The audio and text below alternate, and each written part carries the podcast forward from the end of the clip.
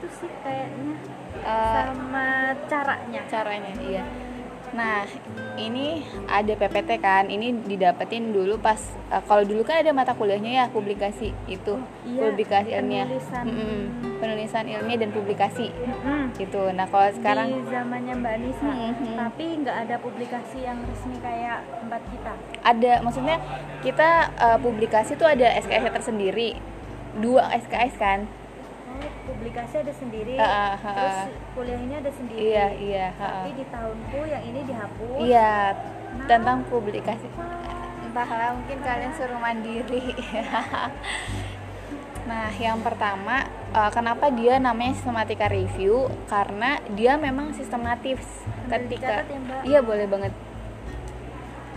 Ya lanjut Mbak. Mau direkam juga nggak apa-apa. Eh, yang pertama ya ini kan tentang sistematika review sama meta analisis. Nah, meta analisis itu kelanjutan sebenarnya dari sistematika review. Dia dia menganalisa atau datanya itu di, di ini lagi di diolah lagi dari data-data yang publikasi-publikasi sebelumnya gitu kan ada datanya kan tapi kita nggak sampai sana sih dan aku juga belum bisa sampai meta analisis gitu. Cuma baru bisanya sampai sistematika review aja. Terus yang pertama iya benar tadi ketika kita mau membuat kebijakan itu kan harus ada data dan evidence base ya istilahnya gitu. Sebenarnya boleh sih eh, dari satu penelitian. Maksudnya ketika penelitian kan banyak caranya gitu. Salah satu caranya adalah sistematika review ini. Ada tingkatan-tingkatannya nih di sini. Nah ini. Ini hierarki evidence. Jadi eh, banyak desain penelitian mulai dari bawah sampai atas. Nah ini itu eh, tingkat tertingginya gitu. Terus eh, ini kan desain-desain penelitian kan cross sectional studies case control cohort. Jadi semakin ke atas itu eh, semakin bagus gitu. Nah, kenapa sistematika review itu dibilang bagus? Nah, itu karena tadi dia uh, bukan hanya satu penelitian, tetapi udah dari kayak kesimpulan-kesimpulan dari beberapa penelitian yang diambil. Sehingga dia memperkuat evidence evidence base yang ada seperti itu. Sebenarnya bisa aja mungkin pengambil kebijakan juga menggunakan satu penelitian, tapi kan lebih baiknya gitu kita uh, dengan lebih dari satu penelitian biar kuat lah kemudian kenapa dia namanya kan sistematika review nah kita mereview secara sistematis. Itu yang pertama. Mereview secara sistematis maksudnya seperti apa sih?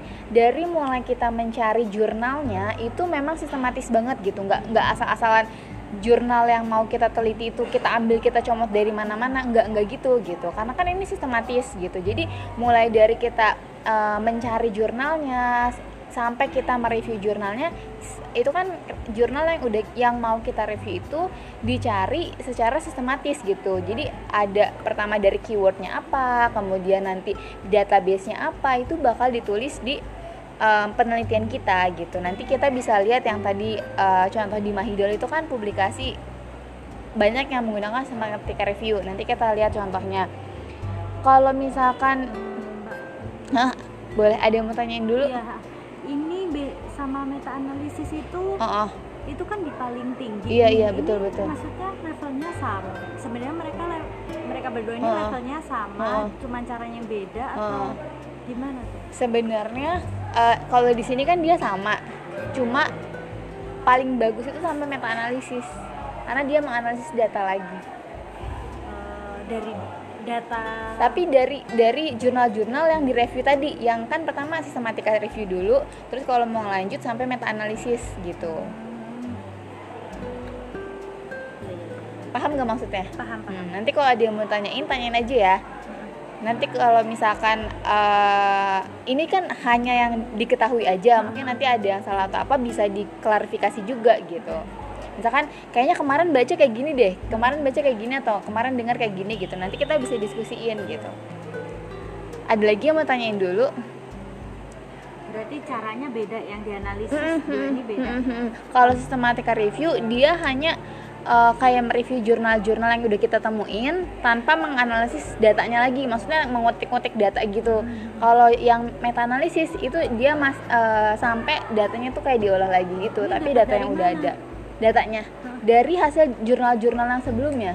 Bukan data mentah. Bukan, bukan. Bias- Biasanya Bukan. misal kalau ada data RR Uh, OR nah uh, itu yang uh. diambil Heeh, pokoknya data yang ada di jurnal-jurnal yang dia review gitu bukan data bener-bener mentah yang kayak kita turun lapangan dan lain sebagainya gitu enggak data yang tersedia di eh, jurnal-jurnal yang dia review gitu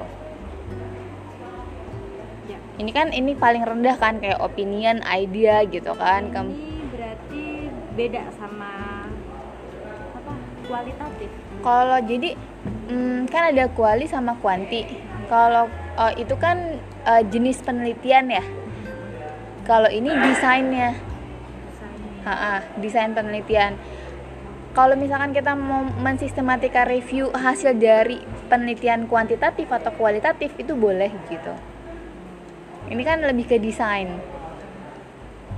Jadi eh, contohnya kan kalau kayak misalkan cross sectional itu kan eh, kita mengambil eh, outcome dengan misalkan dependen dan independennya dalam satu waktu kan gitu. Itu kan lebih ke desain. Mau dia kuantitatif atau kualitatif boleh gitu metode penelitiannya. Tapi kan eh, desainnya berbeda gitu. Ke situ sih.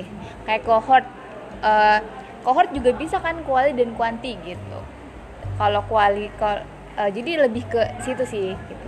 ini desain ini nggak semuanya cocok di kuali Hmm. nggak nggak- dan di kua, apa di Kuanti. itu, Hmm. tapi cocok di kuanti gitu Tapi sebenarnya bisa gitu. Kalau mau pakai kuali juga ibaratnya kan eh, kualitatif mau pakai pendekatan eh, cohort tapi kan dia membutuhkan waktu yang misalkan cohort prospektif otomatis dia harus nunggu beberapa tahun atau ya tergantung penelitian dia tentang apa gitu. tapi kan dia ke depan gitu kan kalau uh, prospektif tapi kalau misalkan dia mau mengambil data pada saat yang bersamaan berarti dia pakai metodenya uh, metode eh desainnya desain cross sectional itu bisa kuanti juga bisa kuali juga gitu. Kan kalau kua- kualitatif dia lebih uh, kalau kuali kan lebih pendekatannya kayak wawancara mendalam FGD dan lain sebagainya. Kalau kuanti uh, dia memang di kita kita bentukin di data-data yang nanti diolah gitu dalam bentuk angka. Lebih ke situ sih. Mm. walaupun dalam bentuk kuesioner gitu ya yang ibaratnya kita menanyakan pertanyaan uh, pertanyaan tapi kan kalau di kuanti uh, uh, di, di di apa namanya kalau misalkan nih kita mau pakai pendekatan kuantitatif itu kan kita nanti iya semangat nanti kita eh, apa ya terjemahkan hasil dari pertanyaan itu dalam kode-kode angka kan yang nanti diolah gitu. Lebih ke situ. Tapi kalau misalkan kualitatif itu lebih ke eh, dia jawabnya apa kemudian kita eh, buat kayak matriknya gitu-gitu. Nanti itu didapetin pas semester 2 antara eh, kuali sama kuanti gitu. Tapi both eh, of them bisa pakai desain-desain ini gitu. Terus, nah ini ini kalau dari definition. Pertama dari ini dulu ya dari uh, kalau misalkan literatur review, literatur itu kan dia lebih ke literatur literatur. Jadi kalau sistematika uh, mulai dari keywordnya itu sampai nanti keywordnya misalkan apa, terus kita cari di database apa, nemu berapa jurnal, terus nanti diselected berdasarkan kriteria inklusi eksklusi. Mungkin ini masih sedikit sedikit ngawang ya gitu, tapi ikutin aja dulu gitu. Iya, iya. nanti nanti juga ngeh gitu gimana gimana. Apalagi kalau udah praktik sih. Karena memang eh, sejujurnya gitu dulu aja pas pertama diterangin ini tuh ngawang banget. Terus udah gitu sa- sampai dua kali pertemuan lah masih ngawang gitu sampai Ini ada praktik. kuliah sendiri Mm, mm, mm, ada. Sampai tiga pertemuan baru ngeh kayak gimana sih maksudnya ini gitu. Itu emang jadi ya wajar gitu hal yang normal. Kalau misalkan masih maksudnya apa sih maksudnya gimana gitu nggak masalah gitu. Sampai ini tuh berkali-kali dibaca ini maksudnya kayak gimana gitu jadi nggak masalah. Nah, terus eh nih yang tadi ditanyain bagaimana sih untuk melaksanakan sistematika review itu sendiri gitu. Ini beberapa tahapnya nanti eh lebih lanjut ada di slide selanjutnya. Ini kalau definisi ya dia eh, intinya tuh kita mereview beberapa jurnal tapi jurnalnya itu yang memang kredibel gitu. Bagaimana kita mengidentifikasi kalau jurnal itu kredibel atau enggak? Itu nanti ada iya itu bener itu yang kita mengkritisi kalau misalkan si jurnal itu dia kredibel atau enggak sih gitu. Nah kemudian ini yang tadi ya hierarki penelitian terus eh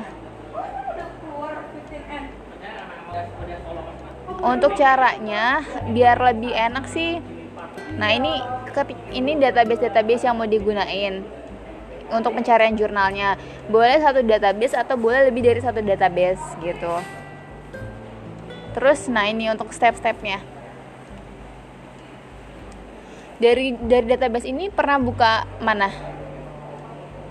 PubMed nah iya enak juga kok pakai PubMed nah ini ini ini langkah-langkahnya. Tadi database tadi itu beda nggak sama Scopus Nah itu Scopus, uh, EBSCO itu uh, ma- uh, salah satu database juga. Science Direct Heeh, kayak gitu-gitu. heeh, oh heeh. contohnya gitu-gitu Iya betul. Kayak apalagi itu namanya public apa ya? Ya itu itu yang tadi disebutin uh, salah satu uh, database yang ada. Terserah kita mau pakai Oh, iya. ProQuest. Pernah dengar juga kan ProQuest? Nah, Nah itu itu database. Jadi kita mau uh, pakai database yang mana ketika kita mau mencari jurnal itu nanti disebutkan di metodologi gitu. Dan Oh, iya. boleh pakai mana aja. Dengan uh, boleh pakai satu ataupun boleh pakai lebih dari uh, satu database gitu.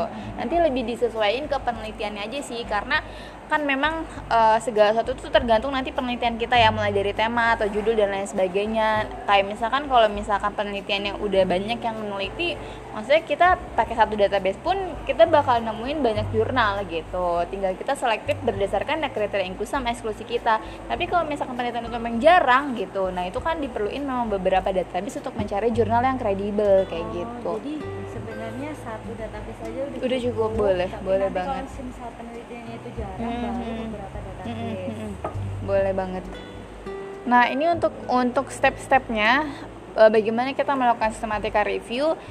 Yang pertama itu kita harus tahu dulu nih maksudnya penelitian apa kita gitu kan? Itu formulate the review question. Jadi maksudnya pertanyaan penelitian kita. Jadi mulai dari tema dan fokus penelitian kita tuh apa gitu.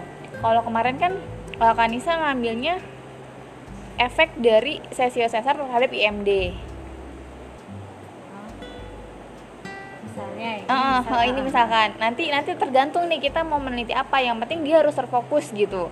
Jadi benar-benar fokus penelitiannya. Jadi nanti keywordnya itu lebih mudah sih maksudnya lebih enak gitu. Nggak nyari jurnalnya ketika memang udah kita fokus penelitiannya apa.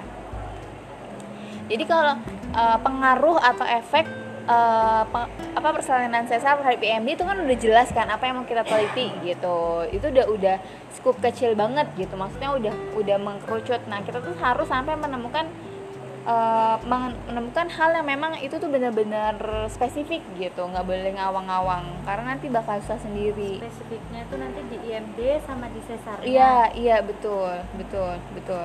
Nah, terus kemudian mendefinisikan kriteria inklusi dan eksklusinya gitu. Contohnya di sini kan eh, kriteria inklusi dan eksklusinya bayi sama ibu dalam keadaan sehat setelah persalinan sesar kan. Contohnya kayak gitu. Terus eh, misalkan jurnal yang mau kita review itu hanya jurnal-jurnal yang lima tahun belakang. Atau enggak dua tahun belakangan aja atau enggak tiga tahun belakangan aja gitu. Jadi jurnal-jurnal yang udah lebih dari lima tahun misalkan kita mau lima tahun nih. Nanti ya kalau misalkan lima tahun masih boleh sih. Kalau mau bagus lagi ya dua tahun terakhir tapi memang itu lumayan juga gitu kan. Nggak eh, kalau mungkin kalau banyak yang neliti ya bisa aja. Tapi kalau jarang diteliti ya kita rada mundur gitu. Eh, tengah-tengah sih sebenarnya lima. Tengah-tengah lah ya. Lima.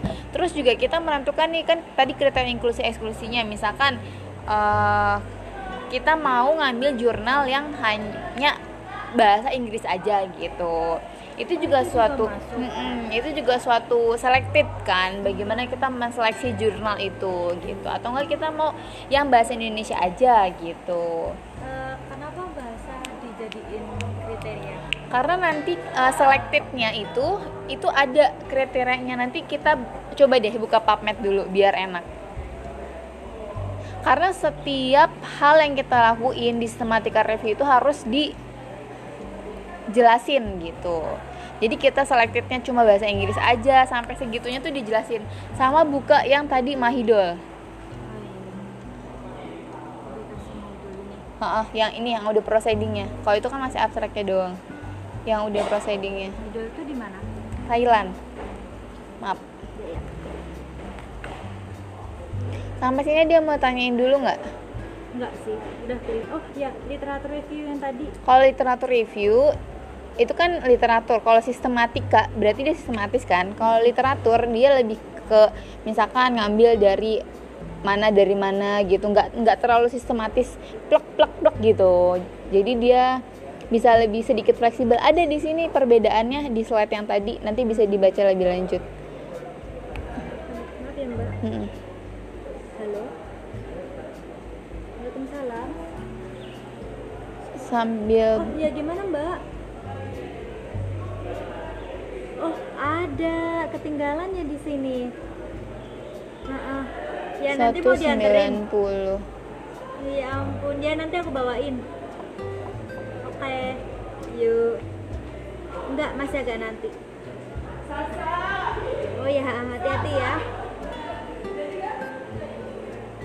Ya ntar aku kabarin. Oke.